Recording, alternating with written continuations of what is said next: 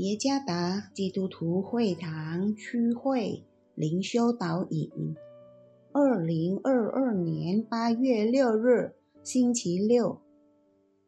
主内弟兄姐妹们平安。今天的灵修导引，我们要借着圣经《撒母耳记上》第七章十一到十四节来思想今天的主题：以便以谢。作者。蔡国闪传道，《撒母耳记上》第七章十一到十四节：以色列人从米斯巴出来，追赶非利士人，及杀他们，直到伯甲的下边。撒母耳将一块石头立在米斯巴和善的中间，给石头起名叫以便以谢，说。到如今，耶和华都帮助我们。从此，非利士人就被制服，不敢再入以色列人的境内。撒母耳做士师的时候，耶和华的手攻击非利士人，非利士人索取以色列人的诚意，从以格伦直到加特，都归以色列人了。属这些城的四境，以色列人也从非利士人手下收回。那时，以色列人与亚摩利人和好。在与一位牧师的谈话中，我试图问一个相当简单的问题：为什么上帝的子民不要担心？牧师的回答在我们耳中。听起来属灵且平常，因为上帝在你身边，与你同在。当我再次问：当你犯罪时，上帝怎可能站在你这边？他很难回答这些问题，但他还是反驳：上帝的同在不应该伴随着我们的灵魂。远离所有消极的想法吗？承认我们人类容易犯罪是一种消极的想法，制造破口会让人担心。这位神职人员的有趣回答，同时他让我们重新思考和纠正我们对因上帝的同在。而不用担心之看法。在今天的灵修经文中，撒母耳拿起一块石头，在米斯巴和善中间竖起了一座纪念碑。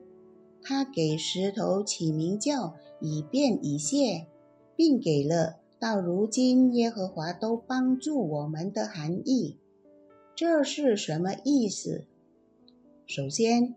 是悔改和顺服。以色列人在忍受了他们不忠的后果后，再次守他们与上帝的盟约。以色列人决定放弃敬拜亚斯他路，转而敬拜并呼求神。直到那时，上帝帮助以色列民族摆脱了外族入侵。他们再也不可回到敬拜偶像的状态。其次，到如今一词有更深的含义，即上帝仍在工作，直到如今。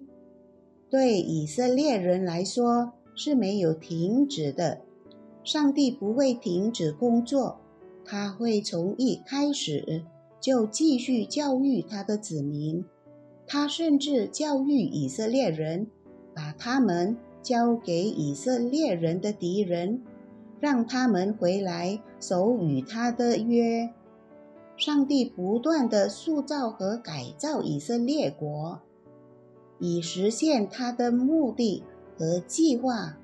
神在完成他的工作之前不会停止。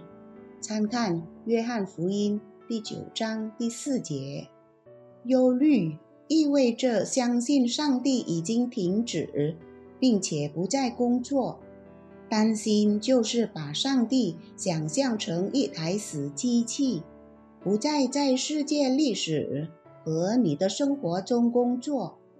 值得庆幸的是，上帝在完成他的工作之前不会停止工作，他将继续教育、塑造和改变他的子民，以回归他对未来的计划。他通过陪伴他的子民，为他而活来工作，在他同在里，他也留意我们内心的态度和顺服。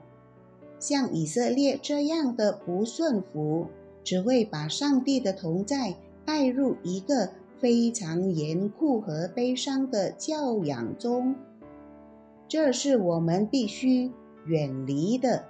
因为上帝从不站在罪恶或过犯的一边，相反，上帝希望他的孩子在他面前经历平安和喜乐，引导我们活在他的公义中的平安。